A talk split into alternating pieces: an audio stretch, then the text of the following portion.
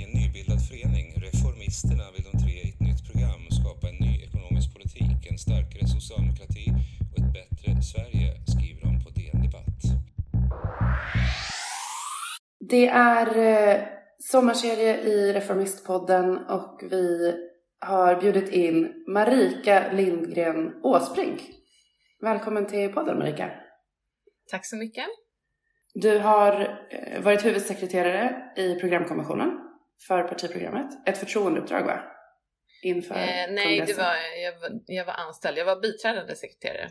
Mm. Det var Lars, Lars Engqvist som var huvudsekreterare. Eh, nej, det var ju som tjänsteman. Du har jobbat med partiprogrammet. Du har lett LOs jämlikhetsutredning. Och idag ja. står det att du är chefsutredare på partiets mm. politiska avdelning. Ja. Vad, vad gör man på jobbet då? Um, det handlar ju om att bidra till någon slags parti, att partiets egna policyutveckling, um, ehm, alltså oavsett regeringsställning eller oavsett det arbete som sker i regeringskansliet. Um, så. Men, men sen eh, mer konkret exakt vad det, det är väl lite, det återstår väl lite att se eftersom jag har jobbat i typ två månader Eh, och sen var jag föräldraledig eh, och nu har jag precis börjat det i en, en, en vecka liksom så att eh, vad jag ska göra nu i höst får vi nog liksom återkomma till. Så. Men det är i alla fall tanken att det handlar ju om så här, Socialdemokraternas politikutveckling och att det ska finnas en, en självständig sådan. Um, så, och det är en, en, en, en, bit av det pusslet som mitt jobb är. Mm. Men man kan väl ändå tänka sig att det, det, kommer ha ganska mycket med valet att göra närmsta ja, året? det låter fullt ja. rimligt. Mm. In, inte en vild nej, gissning Nej, precis. Eh, men du, eh, ett av skälen till att vi ville prata med dig eh, om socialdemokratisk ideologi är ju att du var eh, i högsta grad inblandad i framtagandet av det senaste partiprogrammet. Mm. Eh, och alltså partiprogrammet eh, pratar man ibland om som det här, det, det liksom heligaste av eh, dokument, eh, där urskriften till vad som är socialdemokrati. Eh, och det har ju funnits några upplagor liksom. men samtidigt så är det ju också ett dokument som man ibland liksom pratar om som aldrig genomförs. Det är ju alltid någon som kommer till första maj med ett plakat där det står genomför partiprogrammet.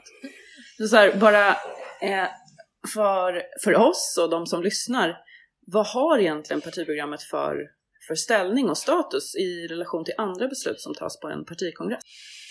Eh, det är en jätteintressant fråga. Det är inte så enkelt att svara på. Eh, men jag tror att om man ska ändå... Ett svar handlar ju om historien. Eh, Socialdemokraterna har ju ett antal partiprogram. Det första skrevs väl 1897 tror jag. Och sen så är det ju inte så många. Eh, de har ju uppdaterats, numera uppdaterats de kanske varit så här 12 15 år men ehm, i, i början av 1900-talet så var det ju mer sällan. Ehm, och alla finns ju att läsa sådär eh, på nätet och det är ganska intressant sådär att se utvecklingen. Det första partiprogrammet det är ju typ fyra sidor långt och i princip beskrivet i punktform. Mm. Sen har det ju verkligen svällt och blivit mycket mer de här liksom festtalens formuleringar och eh, många sidor. Eh, jag vet att jag var ganska nöjd med att vi ändå faktiskt bantade partiprogrammet, men jag tror ändå att det är typ 40 sidor eller något sånt där nu. Mm. Eh, men då var det, det föregående var ännu längre, vill jag minnas. Ehm, eh, nej, men om man tittar på det första programmet så är det ju eh, som sagt, det är väldigt kort och det är i princip skrivet i punktform. Men det som är speciellt med det är ju att när det skrevs så måste det ju ha varit i princip helt utopiskt för att det som eh, det är ju bara förslag som verkligen inte är verklighet och som var väldigt långt från verkligheten mm. då, i den tidens kontext. Eh, till exempel, jag tror att en av de första punkterna är väl liksom allmän och lika rösträtt för män och kvinnor ungefär. Eh, och det var ju, tog ju ändå ett antal decennier innan det var verklighet. Ehm, och sen finns det ju en massa andra krav och förslag i programmet som är ungefär lika utopiska. Alltså det är ju nivån på liksom, det är åtta timmars arbetsdag, du mm. vet, ingen som är under 14 ska behöva arbeta. Alltså, um, och det som är så fantastiskt när man läser det nu är att det då, på, när det skrevs, så måste det ha varit väldigt utopiskt och samtidigt så är det som en karta över framtiden. För i princip allting som står i det här programmet har ju blivit verklighet. Mm. Um, det finns ju några förslag som är så lite snåriga att förstå idag som handlar om olika typ så här jordbrukskrediter, jag kommer inte ihåg men liksom Just det, så kanske inte det är en del sånt. ja, som är lite så här, inte, inte ens uppenbart exakt vad det innebär och kanske inte så liksom, aktuellt idag. Men, men väldigt mycket handlar ju ändå om så här grundläggande, det finns ju som frö till en vä allmän välfärd och liksom Mm. en, en, en skola för alla och någon slags, ja men någon typ av socialförsäkringar och allt det här. Eh, och demokrati. så. Mm. Och som ändå Mm. faktiskt blev verklighet. Ehm, men om man tänker hur det liksom, det, som- det, som det fungerade på den tiden, partiprogrammet, föreställer jag mig, eller liksom som man tolkar det när man läser, det är ju att det var ju väldigt, det var ju, blev ju liksom en sammansmältning av idépolitik och konkret politik i samma det. det var ju ingen skillnad på Mm. den tiden. Och då, då behövde det inte heller vara så väldigt detaljerat. Alltså det, det står ju bara så här allmän och lika rösträtt, det står inte exakt hur och liksom när och ja, detaljer i liksom. Det står inte heller varför. Nej, Det är ju Nej. intressant om man jämför med gam, gamla och nya Ja. partiprogram, att det, att det är liksom, det är sant. det är bara formulerat Ja. som ett krav. Men det är ju lite Ja. mer då kanske också det här konkreta handlingsprogrammet då. Alltså Mm. lite mer den Mm. stilen på något sätt. Men idag så tänker jag att vi inte befinner oss i samma läge. Att det liksom inte, i alla, i alla fall som Socialdemokraterna som parti fungerar idag, så är det ju inte de här eh, väldigt tydliga, enkla, alltså idépolitiken och den konkreta handlingspolitiken sammanfaller inte riktigt på samma sätt. Ehm, och det har lett till att det har blivit de här lite längre programmen som är Ja, det är absolut mycket mer så här som handlar om, man försöker förklara varför ser vi på samhället som vi gör och varför vill vi ha de här förslagen som vi driver. Men sen kan jag också själv tycka, det här är ju bara liksom en personlig åsikt, att det kan finnas en lite olycklig Um, alltså så här, när jag var eh, biträdande sekreterare i programkommissionen så vill jag, tyckte jag ju själv egentligen att vi skulle kanske banta partiprogrammet ännu mer och ha det egentligen lite mer renodlat som ett idépolitiskt program. Eh, våra värderingar, kanske vår samhällssyn, då kommer det in lite så här världen av idag liksom. Men egentligen inte ha med det här som är lite mer så här, hur ser vi på allmän politik idag och gå igenom alla politikområden, vilket ju är det man gör. Ehm, ehm, därför att det är svårt att ha på en nivå, när man bara uppdaterar programmet liksom vart tolfte år eller någonting, så kan det ju Mm. inte vara speciellt dagsaktuellt, utan den konkreta politiken finns ju i partiets riktlinjer och det sen förstås ännu mer i alla liksom dagspolitik och budget, eh, budgetar på olika nivåer i politiken och så vidare som tas liksom varje år eller ännu oftare så. Eh, det blir ju någon lite konstig krock däremellan på något sätt. Alltså det är, ju- den konkreta politiken kommer ju alltid formuleras någon annanstans, tänker jag, eh, som det fungerar idag. Och då tycker jag att man egentligen lika gärna kunde renodla partiprogrammet till att vara lite mer så här idépolitik och värderingar och kanske lite mer då liksom någon slags mellansiktig utopi eller så. Men det fick jag inte riktigt gehör för då, för det har väl inte varit den traditionen på ett antal decennier i alla fall. Eh, men det tycker jag absolut att man kan som överväga i framtiden ändå, liksom att så här, vad spelar egentligen partiprogrammet för roll? Eh, och då tror jag ändå att ehm, Alltså det, det är klart att det ska ju i bästa fall fungera som någon slags också konsumentupplysning när folk läser, försöker ta ställning till olika partier. Vilket parti ska jag rösta på eller vilket parti sympatiserar jag Mm. med? Så det är klart att man eh, sk- skulle önska att partiprogrammet var en, en vägledning i det. Men ehm, eh, jag tror att det den här liksom, när det handlar just mer om sakpolitiken så blir det svårt för att det blir på en sån allmän nivå, en sån Mm. allmänt hållen nivå. Så tror jag ändå att det är lite svårt faktiskt att förstå. Ehm, det kan man ju också göra så här, om man nu ska vara så här liksom kritisk, men när man gör inte-testet, att liksom sätta inte framför en massa olika meningar och påståenden, så är det ju många som kanske inte håller. Alltså, ja, det står liksom att arbetslösheten ska minska, så här, men det är ju ingen som tycker att den inte ska minska. Eller så här, det är ju inte riktigt någon tydlig vägledning kanske för människor i politiken. För typ alla partier tycker att arbetslösheten ska minska och alla partier tycker att alla barn ska lyckas i skolan och så. Det är ju liksom, hemligheten sitter ju i hur man ska komma dit eller liksom hur man tror att vi, ja. Ehm, och det, det, där är, det där är ju lite svårt att komma runt i kanske en programkontext. Eh, Mm. det, blir, det blir lätt de här, att jag tror att det, man liksom är helt sådär utomstående och ska försöka ta ställning till olika partiers ideologi så är det nog mycket som kanske framstår som ganska likt. För att Mm. man säger sig stå för ungefär samma saker eller liksom sikta på samma saker. Ja. Eh, Så frågan är hur man liksom möter det. Ja, det, är en, det är en svår utmaning, men jag tror kanske lite mer på att det har lite mindre så här, sakpolitik i, i dagens läge i, i partiprogrammen och, och lite mer försöka förklara själva ideologin, liksom, värderingarna och kanske Mm. lite grann då hur, man, hur det förhåller sig till dagens samhälle på något sätt. Då blir det ju lite mer konkret ändå sådär. Um, men, men du Ja. sa det Marika att det är liksom första partiprogrammet, vad sa du, 1897? sju tror jag. Ja. Att det liksom eh, ju blev eh, eh, sant för, så småningom, liksom, även om det Mm. var utopiskt. Har det fortsatt så? Liksom? Om man kollar på, eh, eller så här, historiskt sett, är det liksom tidsdokument av att eh, vårt parti ett par decennier i förväg ändå tydligt har utstakat framtiden? Vet du det? Ja. Eller liksom hur, Ja, hur det är har en det bra gått fråga. sen? Ehm, jag kan nog inte, alltså det fortsatte nog vara så under en period. Men Mm. jag, jag skulle tro att det slutade ganska snart liksom. Men det, det kan jag inte riktigt svära på, men jag tror inte liksom att 1960 att man liksom lanserade de stora nya reformerna i partiprogrammet. Det tror jag inte helt enkelt eftersom de de skrevs ju ändå så här typ vart femtonde år. Det, blir, det är Ja. för sällan liksom. Ja. Ehm, ehm, och sen som sagt är de ju även då ganska så allmänt hållna liksom. Ehm, Ja, så då var de inte lika reform? Nej, men jag tror, jag, tror, liksom. jag tror att det blir en skillnad ungefär när partiet börjar sitta i maktställning helt enkelt. Och då, det ty- tycker jag man kan ana liksom mellan raderna, att man får en liten annan syn på, ja, inte minst så här, synen på pragmatism och reformism och alltså Mm. att det blir lite mer, eh, ja, alltså att man ändå liksom ganska tidigt resonerar kring liksom för och nackdelar eh, med olika idéer sådär. Eh, alltså, som jag minns det så finns det en tydlig skillnad mellan det är ju något, ett program som är skrivet typ 1920 och sen nästa är först 1944. Mm. Och där finns ju ett tydligt brott liksom. Ehm, att 20-talets program är ju fortfarande ganska så här. jag tror att det är mycket plan, ekonom, planhushållning och sådär.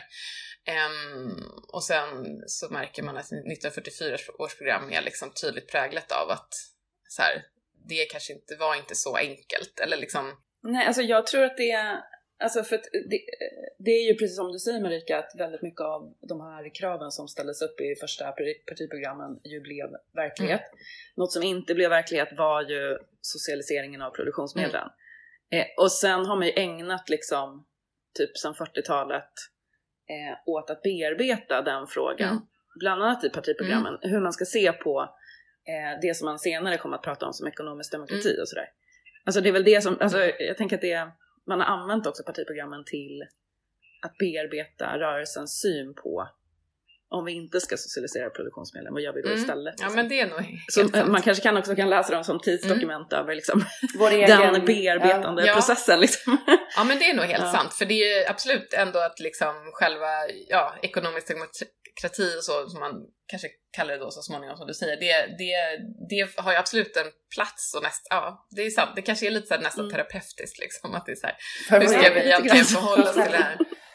Och det är ju liksom, där var det ju ändå den här portalparagrafen som, den infördes väl 1944 tror jag, att man, alltså det här Mm. långsiktiga målet om att bestämmanderätten över produktionsmedel ska läggas i hela folkets händer, eller hur det nu är liksom. Mm. Och sen var ju den kvar i många år, men den togs bort 2001 tror jag. Och jag var inte med Mm. på den tiden, men, men jag förstår att det var ändå en väldigt stor fråga då, på den kongressen. Mm. Men samtidigt så tror jag att man i praktiken så tror jag ändå att för människor utanför partiet så tror jag inte att man uppfattat att det var någonting som partiet drev på många decennier Nej. så, innan dess. Nej. Liksom. Så att, ehm, eh, ja, nej men det, det, är väl, det är väl absolut en tal, liksom, talande för, för det, för den här frågan. Mm. Mm. Hur eh, utopiskt är partiprogrammet idag, Marika, tycker du?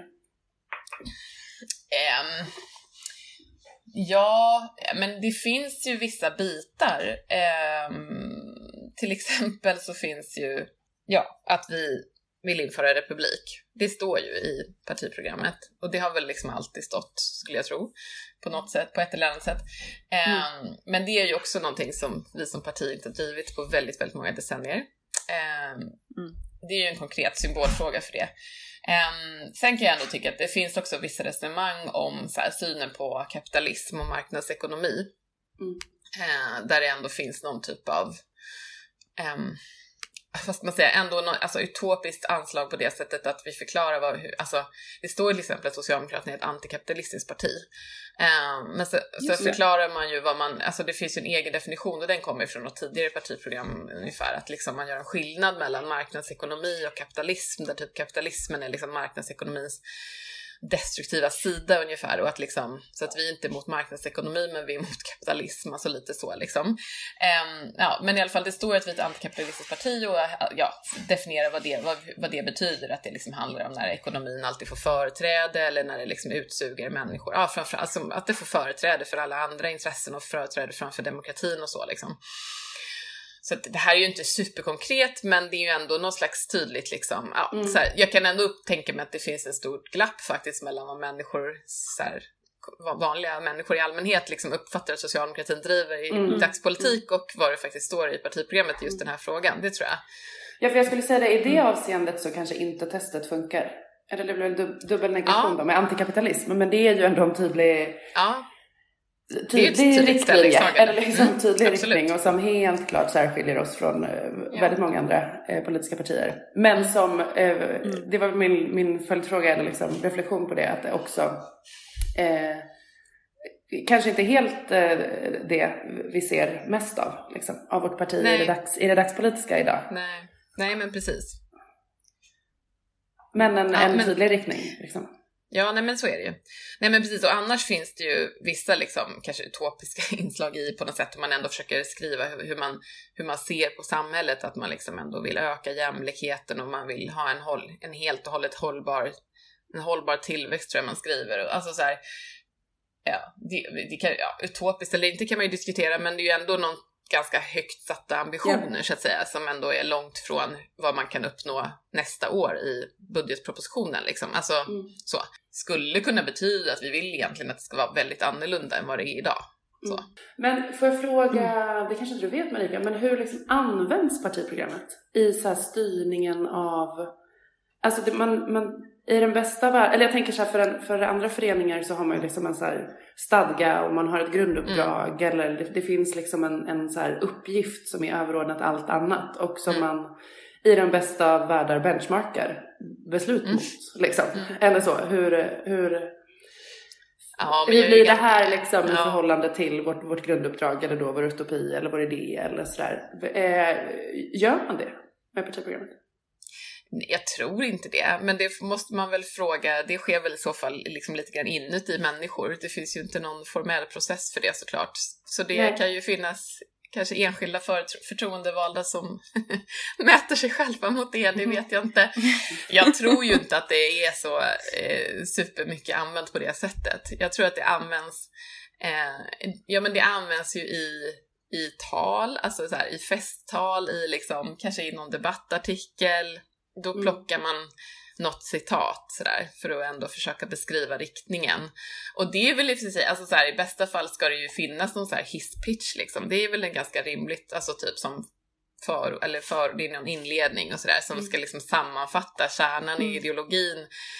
Eh, så om, i bästa fall kan det ju fungera på det sättet som någon snabb konsumentupplysning eller liksom som något snabbt sätt att beskriva vad vi står för eller varför vi det, det kanske ändå görs lite grann på något sätt i, i alla fall retoriken, att man kopplar ja, men det hade, alltså, Stefan Löfven hade en period i alla fall när han eh, flitigt citerade, alltså den nya portalparagrafen ja. som, som ersatte det här med att lägga makten över ja. produktionsmedlen i jo. folkets händer. Nu kommer jag inte ihåg eh, jag kommer inte. hur den är formulerad idag. Men det, den, är, den är väldigt fin. Ja. Eh, och han ehm, Eh, ja, det, jag minns en sån eh, mm. period. Det kanske var någon gång innan valet 2014 där någonstans. De första åren tror jag, ja. av hans partiledarskap. Ja, men jag tror, tror. att det mm. dyker upp ibland liksom. Men då kan, och, och mm. då kan det ju vara ett sätt att ibland faktiskt förankra varför, för, alltså på något sätt koppla ideologin till ett konkret politiskt förslag också, att vi så här, man går tillbaka till den här formuleringen och därför föreslår vi idag det här, ungefär så. Mm. Men eh, jag tror, ja, så att jag tror att det är mer på det sättet man använder partiprogrammet än sådär att liksom mäta sig mot vad har vi nu uppnått. Så. Sen är alltså jag vet inte, det är klart att jag menar alla, alla, alla socialdemokrater som ändå verkar vill ju ändå i någon mån liksom driva politik som så här, går i den riktningen. Det har inte att göra med i och för sig vad som konkret står i partiprogrammet utan bara för att det är vår ideologi liksom. Mm. Och det tror jag ändå så här, folk som är förtroendevalda såklart lever med hela tiden.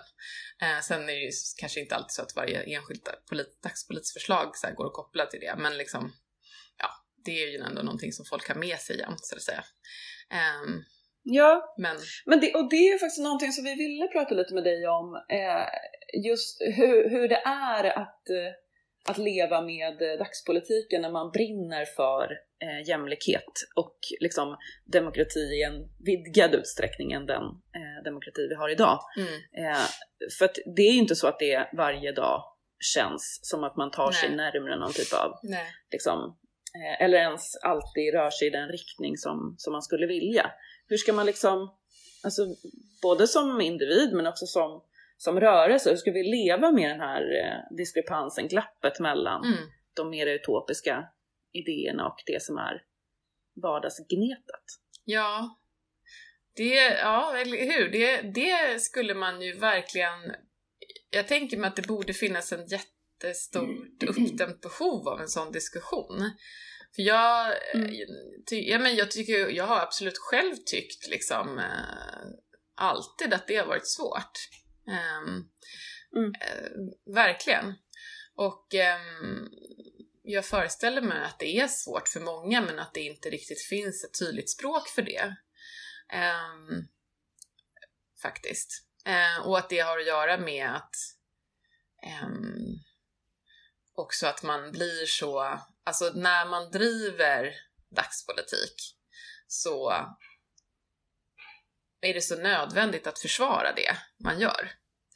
Um, mm. Och liksom för att man blir hela tiden utsatt och ifrågasatt av alla möjliga liksom. Och man måste alltid tro på det. Alltså det, det är rent bara psykologiskt så orkar man ju inte själv så här, hålla på med någonting om man inte tycker att det är tillräckligt bra. Alltså så här, det kanske man kan tycka någon gång ibland, men hela tiden, varje dag, det orkar man ju inte liksom. Eh, så då tror jag att man lite grann väljer bort den känslan. Men också för att man hela tiden så här, att vara politiker är ju så här, man blir så otroligt ifrågasatt av alla jämt och liksom minsta svaghetstecken kommer alltid användas emot en av ens motståndare och allt det här liksom. Så man kan inte riktigt öppna för det, tror jag. Att det liksom, mm. det blir så, man måste försvara det man gör. Mm. Eh, mm. Och eh, ja, så jag tror att ofta den där konflikten trycks undan på något sätt. Men jag tror ändå att väldigt många lever med den faktiskt och att den är så lite svår liksom. Um, sen kan man ju den också nära kopplad överhuvudtaget till att på något sätt det inte går att göra så mycket. Eller liksom, både för att verkligheten är svår och för att så här, de parlamentariska förutsättningarna är svåra och ja, det kan ju i sig vara svårt för politiker är ju väldigt tydligt så här, personer som vill göra någonting. Eller så här, det är ju lite konstigt i sig liksom att man alla som går med i ett parti och engagerar sig gör ju det för att de vill göra saker och ändra saker och så. Mm. Och sen i praktiken mm. kanske man inte alltid kan det eller fastnar i en massa annat liksom. Tänker jag att, att vårt partiprogram ändå är lite det här tidsdokumentet, eller som liksom då 1897 års partiprogram var av så här, vad stod man inför då. Eh, alltså att det ändå är eh, ja, men under liksom, det så inledningsavsnitt med, som heter den demokratiska socialismen eh, som ju säkert alltid har präglat liksom, partiprogrammen men som i det senaste nu innehåller så eh, antirasistiska skrivningar, att vi ska kämpa mot homo och transfobi, att vi ska vara emot diskriminering, att vi ska jobba för liksom, klimatet och um, Alltså att det finns ändå ett liksom, tidsdokument i, mm. i det över vad, vad, vår, vad vi står inför nu. Mm. Ish. Även om det är, när, när, när är det från? 2013? 2013, ja. Um, och att det finns de liksom, uh, ja men med liksom den demokratiska socialismen som raster över samhället ändå vissa nedstick i mm. att det finns eh, nya kamper. Liksom. Eh, mm. Eller kamper som vi, vi har idag i partiet som mm. inte fanns då. Mm. Eh, men hur tycker du att vi liksom har, hur jobbar man för att ta sig an de liksom, nya, nya frågorna? Eller så här, var det en, eh, hur tänkte man kring det när ni liksom skrev programmet? Så här, vi, är, vi är demokratiska socialister men vi ska mm. formulera det aktuellt men inte för dagspolitiskt. Liksom. Men mm. hur, hur, hur gör man det som ett över hundra år gammalt parti att ta sig an nya kamper och nya frågor? Ja, nej, men man gör det väl lite grann genom att sätta in eh, man kan ju säga att man omtolkar fast man kan ju också säga det som att man eh, hittar en sannare tolkning eller en mer uppdaterad tolkning mm. Eh, men liksom i mm. samma ordning. Alltså i det senaste partiprogrammet så resonerar vi ju ganska mycket om maktordningar och makt, liksom att det är, mm. det är maktskillnader som är centralt för oss. Mm. Och att liksom motverka underordning. Um, och, den, och då, om man liksom tar sig an frågan på det sättet så kan man ju sätta in det i alla diskrimineringsgrunder plus andra saker också. Alltså mm. så fort man liksom systematiskt underordnas andra på grund av en grupptillhörighet eller liksom så fort det finns en maktskillnad så uppstår olika typer av problem och det är liksom det vi vill motverka hela tiden ungefär. Ehm, för att liksom jämlikhet är så överordnat och då, då gäller det lite oavsett om det är klass eller kön eller um, etnicitet mm. och så vidare och så vidare. Um, och det, det är väl liksom ett sätt och det är inte vi, det tror inte jag, det är inte det här programmet det första egentligen att göra men, men man skriver väl om det på lite olika sätt liksom. Men um, och, um, um, och men, men jag tänker att man, det är lite så man gör. Vi skriver ju också om så här äh, att kanske att äh, grunden för den socialdemokratiska ideologin handlar ju om en analys av produktionen. Att så här, det är också produktionslivets villkor som eh, sätter, ja, alltså helt enkelt Marx liksom, eh, idéer att det är produktionslivets villkor som på sätt bestämmer samhället långt bortom mm. bara produktionslivet och så. Um, och ett och att vi samt, sen att vi också skriver att men som så här, lika centralt är reproduktionen eh, i bemärkelsen hur man ordnar familj och omsorg och alltså det mm. så här. Um, och det är mm. ju så här, jag vet inte om jag skrivit om det på, jag tror det är kanske vi som skriver om det på det sättet först, men man kan ju samtidigt säga att idén har ju egentligen funnits i många, många decennier. Att liksom, mm. det är klart att hur vi organiserar omsorgsarbetet och liksom hur vi ser på familjen är helt centralt för människors frihet och möjligheten till jämlikhet. Och det är, det är ju ändå en, här, någonstans en idé som har genomsyrat hela uppbyggnaden av den generella välfärden. Man kanske inte har formulerat det på det sättet, men, liksom, mm. men, men då så här, det vi gör är att liksom säga att det är, typ sam, det är samma sak. Liksom. Mm. Att hur vi organiserar reproduktionen, det får också enorma liksom, mm. påverkar hela det övriga samhällslivet och människors plats i det och människors syn på sig själva och på varandra och så vidare. Och sen dessutom så för vi också till liksom, eh, klimatet och så här, att det på något sätt är eh, eller ja, men, men också att man, man kan ju organisera både produktion och reproduktion på olika sätt och det kommer få olika utfall för människor och för samhället liksom. Eh, men sen så också på något sätt att vi, gör, vi drar ändå någon typ av parallell kring att liksom eh, vårt samhälle bygger på att vi har använt och använder naturresurser och, på ett ohållbart sätt. Och det har egentligen varit en förutsättning både för produktionen och liksom egentligen då reproduktionen, eller liksom den välfärdsstat mm. vi har haft och så. Eh, mm. Men det är inte hållbart.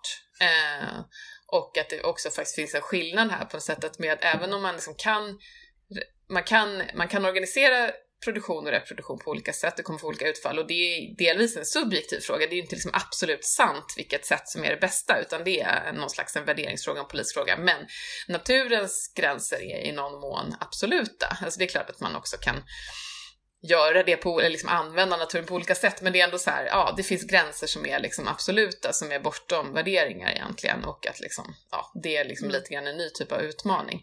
Men det, jag tänker att det här är ändå ett sätt att försöka så här, föra in nya frågor i en kontext som ändå är samma liksom. Och det handlar ju inte om att göra Mm. det med skohorn utan snarare att vi tror att det är fullt möjligt eller liksom att det är en logisk följd av vår ideologi att också när vi har fått ny kunskap att börja se på de här frågorna på det sättet. Mm. Ehm, och sam, sen vill jag ju liksom ändå tillägga att samtidigt, man kan ju säga på ett sätt att det är nya frågor, men väldigt många av de här, även om det inte är liksom kanske fullklart tänkt eller vad man ska säga i våra ögon idag, men alltså det finns ju med väldigt, väldigt tidigt egentligen. Mm. Ehm, alltså, jag menar redan i första partiprogrammet så är det, säger man ju till exempel att man vill ha allmän och lika rösträtt för både män och kvinnor. Det är ju ändå någon typ av feministisk, eller liksom, jag menar, där finns ju ändå kön med, det är ju inte bara klass, utan Ja, det är också kön. Absolut. Och, och liksom, kön kommer ju in på olika sätt ganska tidigt i partiprogrammen. Och miljöfrågan kommer ju också in ganska tidigt. Nu minns jag inte exakt när, men det är så här, det är ju inte som att det bara helt plötsligt 1975 så bara dyker den upp, utan nej, men den finns ju med liksom. Sen, sen är det klart Mm. att det är utifrån sin tids... På lite olika ja, sätt. exakt. Mm. Eh, men, men så många av de här, eh, och, och även så här liksom, nu, ja, hur man formulerar på den tiden minns jag inte riktigt, men liksom kring invandring och så vidare, alltså solidaritet och tolerans och allt det här, liksom det, Mm. det har man ju med sig så att säga, även om man kanske formulerar lite annorlunda och sätt, inte nödvändigtvis sätter in det i samma så här, ideologiska kontext. Men, så att det, det är ju flytande också det här med nytt, alltså det, det, vi, vi, vi ska ju inte bara tro att det liksom ändå fram tills liksom alldeles nyligen så var det bara klass som spelar roll, utan många av de här frågorna har ju funnits med på ett eller annat sätt väldigt, väldigt Mm. länge i vår rörelse liksom. Och även i Mm. partiprogrammen. Men det har ju skett liksom ändå eh, liksom förändringar och skiftningar över tid och där kan man ju eh, nog säga att, eh, alltså att eh, man tonade ner eh, klassretoriken eh, under flera decennier och att det är egentligen på väg tillbaka lite eh, kan man ju ändå se i Mm. Hur olika socialdemokrater pratar. Eh, och under, under den tiden så eh, uppvärderade man ju liksom andra maktordningar, det som Mm. du är inne på Marika och som man beskriver väldigt bra i, i det senaste partiprogrammet. Eh, och som man ibland pratar om som intersektionalitet. Eh, och, men där, idag pratar ju en del socialdemokrater om det som så här, eh, att det bara är identitetspolitik Mm. och i princip bara är trams. Eh, Mm. eh, som man nu liksom man, man pratar om det som ett idégods eh, att överge Mm. i princip. Mm. Tror du, liksom, om man drar ut de linjerna, tror du att den liksom, pendeln kommer att det bara helt enkelt slår tillbaka så att man bara pratar klass igen eh, och skippar liksom andra maktordningar? Nej, det tror jag inte, för att det är för eh, uppenbart att det också finns andra eh, eh, och, att, och att det finns ojämlikheter som är mycket, som, eller som är lika stor, liksom lika problematiska eh, som, som klasskillnader. Och ehm, det, det är bara för stor erfarenhet i samhället idag. Liksom. Det är så många som har den erfarenheten, så jag tror inte man kan eh, bortse från det. Ehm, eh, men, men jag tror att det är liksom eh, alltså, ett sätt att lite grann komma runt det där dilemmat, eller vad man ska säga, det, det kan man ju analysera hur länge som helst, men jag, menar, jag tänker att det är lite som det vi försöker göra i partiprogrammet, just att prata om maktskillnader, alltså gå till roten med det liksom.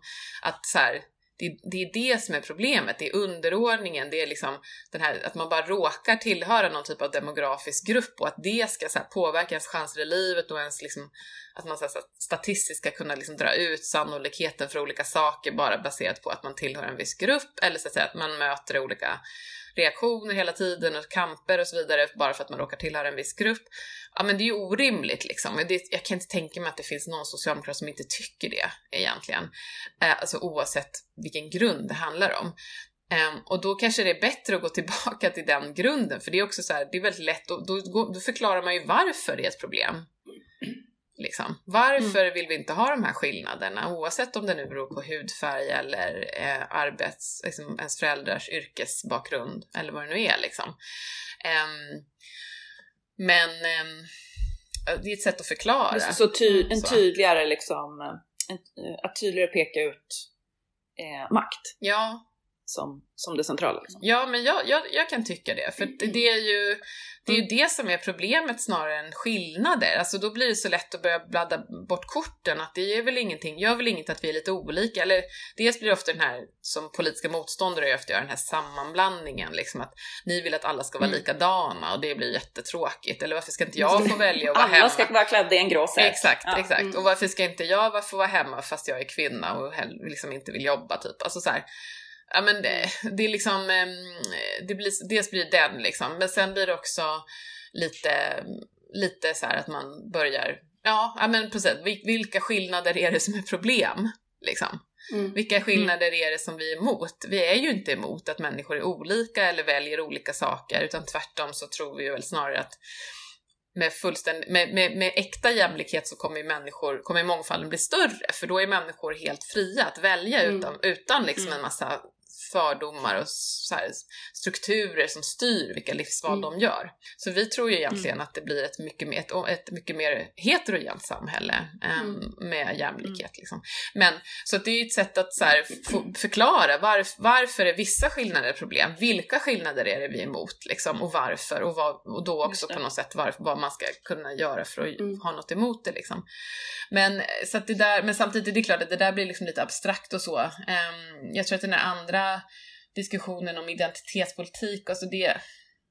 Ja, nej men jag upplever liksom inte att det är så kanske så jättetydligt har med partiprogrammen att göra, utan det är ju mer en retorisk eh, eh, fråga och jag kan i och för sig själv känna att det delvis kanske är att om det, liksom, att det finns den här, jag förstår ju precis vad ni menar liksom, att man betonar kanske klass mer idag och så, och att man skäller på identitetspolitiken. Men jag tror att det är faktiskt lite grann för att det ändå uppfattades under en period, eh, liksom, på 00-talet eller däromkring, att, att, att vi nästan, att det faktiskt, att man har ställt också de andra diskrimineringsgrunderna mot klass. Um, mm. Och att, man, att, det där, att det fanns en polarisering och att man måste välja liksom. Mm. Um, och det tror jag, den är, den är lite, och det, det, tycker jag inte vi skulle behöva göra idag, men att det kanske funnits också socialdemokrater och även från andra politiska rörelser också säkert som har en erfarenhet av att man kanske lite grann har behövt välja. För att mm. det, alltså så här, mm. Ja, nej men liksom, man, alltså det har säkert funnits, det har liksom funnits ett gubbvälde i socialdemokratin och man kanske kommit från vissa, och särskilt i vissa miljöer traditionellt liksom, inte vet jag, så här kommungubbar eller liksom vissa fackliga delar eller alltså så här. Och så har man varit en ung kvinna i det och eh, har väl känt att man behövt slåss med näbbar och klor för att driva sin, liksom för att driva könsfrågan. Och då har det lite faktiskt kommit att stå emot varandra. Alltså patriarkatet blir lika med klass. Så. Mm. Eh, det tror jag mm. liksom, faktiskt har förekommit även i bland socialdemokrater. Men liksom, vi borde kanske kunna vara förbi det nu, lite så. Liksom. Mm. Um, um, det kan man ju verkligen ja. hoppas. Annars är vi ju körda som rörelse ja. om vi inte klarar av om vi inte klarar liksom, att eh, bekämpa olika maktordningar. Nej, nej, men jag, jag, tror precis som, eller du sa det Marika, jag tror inte det finns några socialdemokrater som egentligen är emot att vi ska kunna prata om liksom fler maktordningar. Men däremot så tror jag kanske att det finns socialdemokrater som är eh, som känner att vi har tappat eh, klassfrågan lite och i mm. frustration mm. över det. Eller så här att, att vi har liksom blivit, vi hade ju tidigare avsnitt en diskussion med med Payam Molla om så att vara identitets, eller idé, liksom idéparti versus intresseparti. Eh, och så här, finns det en motsättning i det? När är vi vad? Liksom. Och att, att så här, i det kanske att vi ibland har kollat bort oss själva från att liksom ha, alltså till syvende och sist så är de materiella förutsättningarna liksom eh, huvud, eh, eller kanske den yttersta liksom frågan om makt och sen finns det andra maktordningar eller så här, som mm. vi pratar, det är väl det som är intersektionalitet egentligen men som ibland blir liksom lite hijackat av, av andra politiska mm. rörelser än, än vår mm. egen. Att så här, förstå att det finns fler maktordningar som samverkar. Men mm. jag, jag upplever att det har funnits en, ja men som du säger, liksom upplevd konflikt mellan det. Eh, mm. men det kanske egentligen inte är för att folk hatar kvinnor eller homosexuella eller inte förstår liksom, att etnicitet påverkar ditt handlingsutrymme. Mm. Eh, så. Utan för att man är liksom, ledsen och besviken över eh, att vi har pratat för lite klass och framförallt ja. drivit, drivit för lite politik som faktiskt ja. jämnar ut de materiella förutsättningarna med andra maktordningar som, som rastar över handlingsutrymmet. Och det, mm. det kan jag ändå känna igen mig och då är jag liksom den första och, och självklart liksom eh, vara feminist och antirasist och eh, mm. liksom mm. kämpa med hbtq-rörelsen med flera. Liksom. Men jag, jag tror att det finns en, eh, jag tror att vi har en utmaning i att, att liksom samla eh, vårt parti kring den förståelsen och mm. påminna oss om att um, ja, men klassfrågan är så fundamental liksom, för att vi ska kunna göra de andra sakerna också, eller ha mm. de idéerna i huvudet. Liksom. Ja, nej men eh, eh, absolut. Eh, det tror jag också. Sen, så, sen tror jag väl i och för sig att det, det spelar säkert roll att i verkligheten hos människor, alltså precis, människor ha, har ju olika intressen och eh, det kan ju ofta vara då ibland så, eller vad ska man säga, konflikter läggs ju ofta på fel nivå. Alltså så här, um, ja men det är ju väldigt tydligt att, eller så här, min, jag tänker till exempel att den ökade materiella ojämlikheten, liksom den ekonomiska ojämlikheten, är ju en grogrund för eh, en massa missnöje. Um, mm. Och liksom, men det är inte så att men, alltså, människors missnöje med att klyftorna växer kan ju ta sig uttryck med något helt annat. Alltså mm. det kan förklaras på något annat. Alltså man blir inte arg på um, Fredrik Reinfeldt som slopade skatten för de rikaste. Uh, och man blir, eller man blir inte arg på att arbetsgivaren inte har höjt min lön ännu mer eller så. Mm. Utan istället så blir man arg på den här invandraren som kommer och eh, mm, mm. använder välfärden som jag har betalt mina surt förvärvade skattepengar med bla bla bla medan jag själv, liksom, du vet, min, min mamma är utförsäkrad mm. eller något liksom. Um, alltså det, människor är ju inte så, det är inte, det är inte så här en lät linje mellan ett samhällsproblem och en tolkning och ett svar Nej. liksom, utan det där spelar så otroligt mycket roll vilken kontext man befinner sig i och liksom um, ja, um, det är ju väldigt tydligt liksom att alltså, vi, vi ser ju en ökad ilska på många sätt och missnöje i samhället mm. men den riktar sig ju uppenbart inte mot de personer som faktiskt har vunnit på den senaste tidens utveckling. Nej. Det är ju väldigt, väldigt tydligt att det inte är så. Det är inte, man är inte arg på miljardärerna, man är inte arg på företagsledarna, alltså det kan man kanske lite också, men det är inte de som är den primära um, dit ilskan riktas mest idag. Nej. Det var nog mer så för några decennier sedan trots att skillnaderna var mindre då, skulle jag tro. Men, det, liksom. det Utan, men däremot finns det en massa missnöje som riktas mot andra och inte minst ja. kanske invandring idag. Liksom. Och, då, då så att, och på, då, på det sättet så är ju de här olika, och då finns det ju en sprängkraft i det. Ja. Man kanske Yeah. Det kanske blir klass mot invandring till exempel, för att mm. det ändå finns en sån liksom föreställning i, i debatten och i människors medvetande. Mm. Och varför det här uppstår och hur och så, det kan man ju verkligen skriva avhandlingar om. Det kan inte jag förklara på ett enkelt sätt heller. Men, liksom, men jag tycker att det ändå är väldigt tydligt att det på något sätt fungerar så. Um, och då kommer människor i praktiken liksom ändå uppleva de här konflikterna. Mm. Eh, och leta svar i politiken som kanske talar till just mitt intresse då i det här och då kanske man mm. sätter till exempel klass mot invandring eller, mm. eller möjligen klass mot kön eller så men liksom eller vad det nu kan vara liksom. Men eh, mm. ja, så att jag tror det, det är klart att det är delvis att vi har den här debatten på något, något sätt möjligen i vårt parti, det handlar väl lite grann om det tror jag också, att det finns en sån här Ja men det, det, det handlar ju, alltså Absolut, och den, den liksom ilskan som, som människor upplever, man, man letar ju ett sätt att kanalisera det.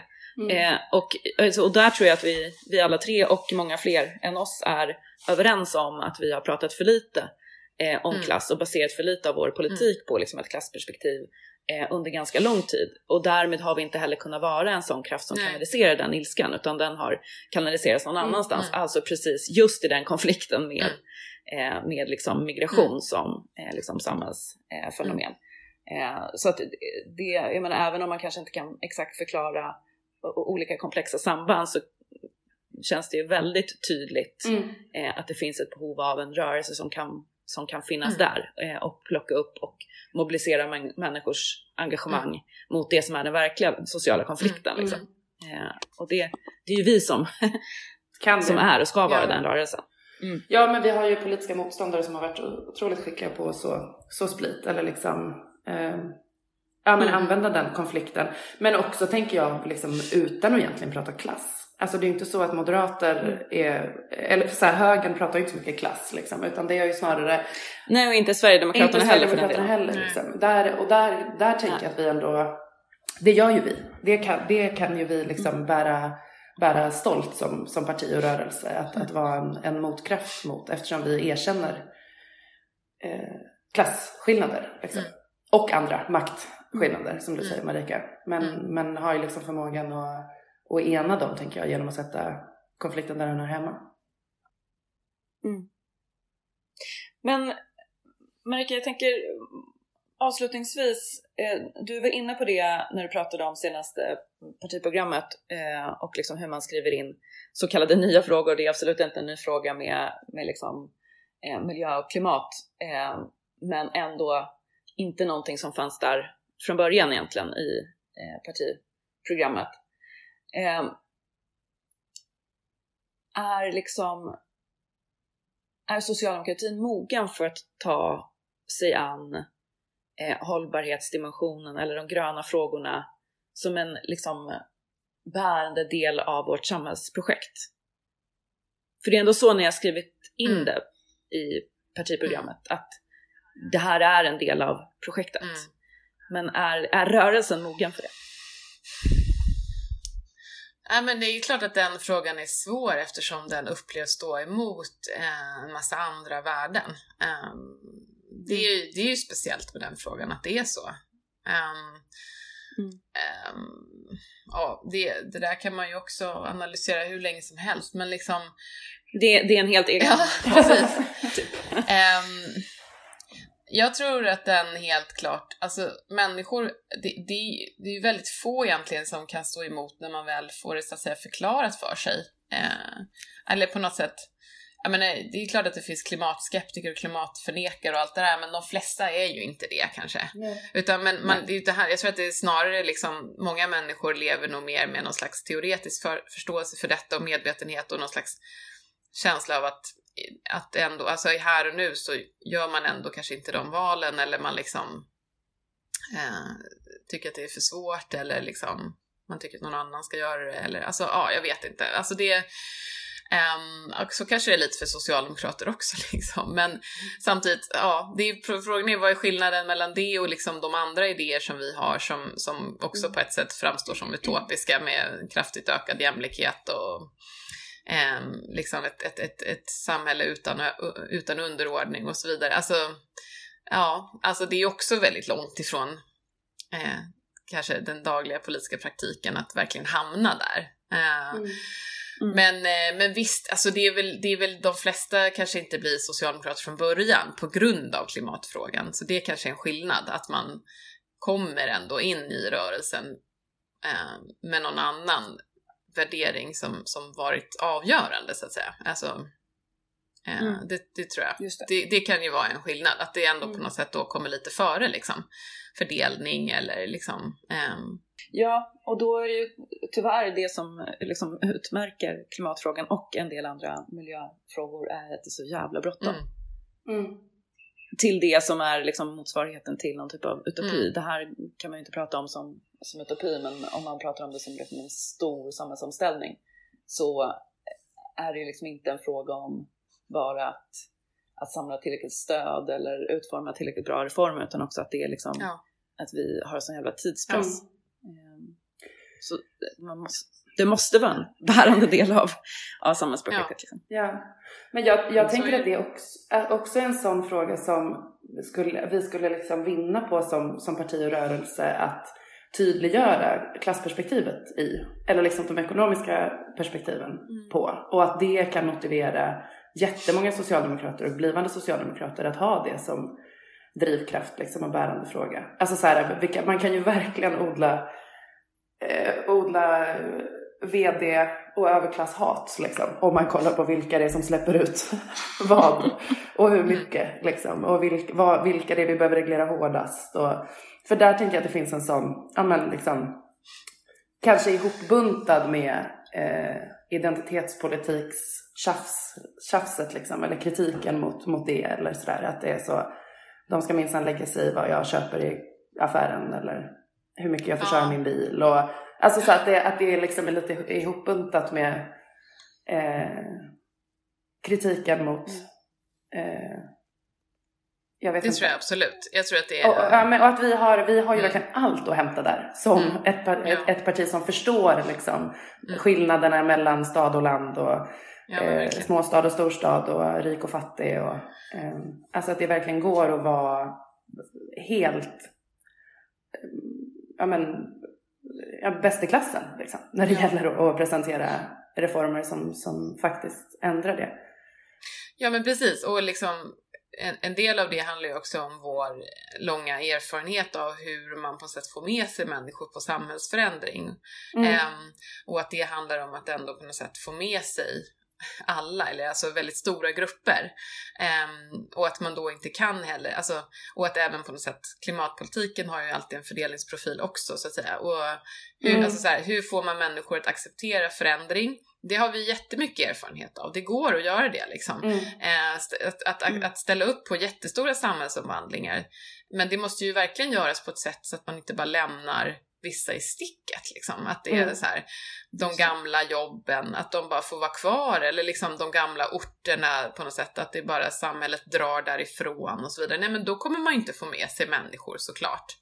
Um, om det ska liksom få väldigt stora så att det, det, det tror jag liksom en förståelse för hur man gör stora reformer och mm. eh, når bred acceptans för det. Eh, det är nästan bara vi som har.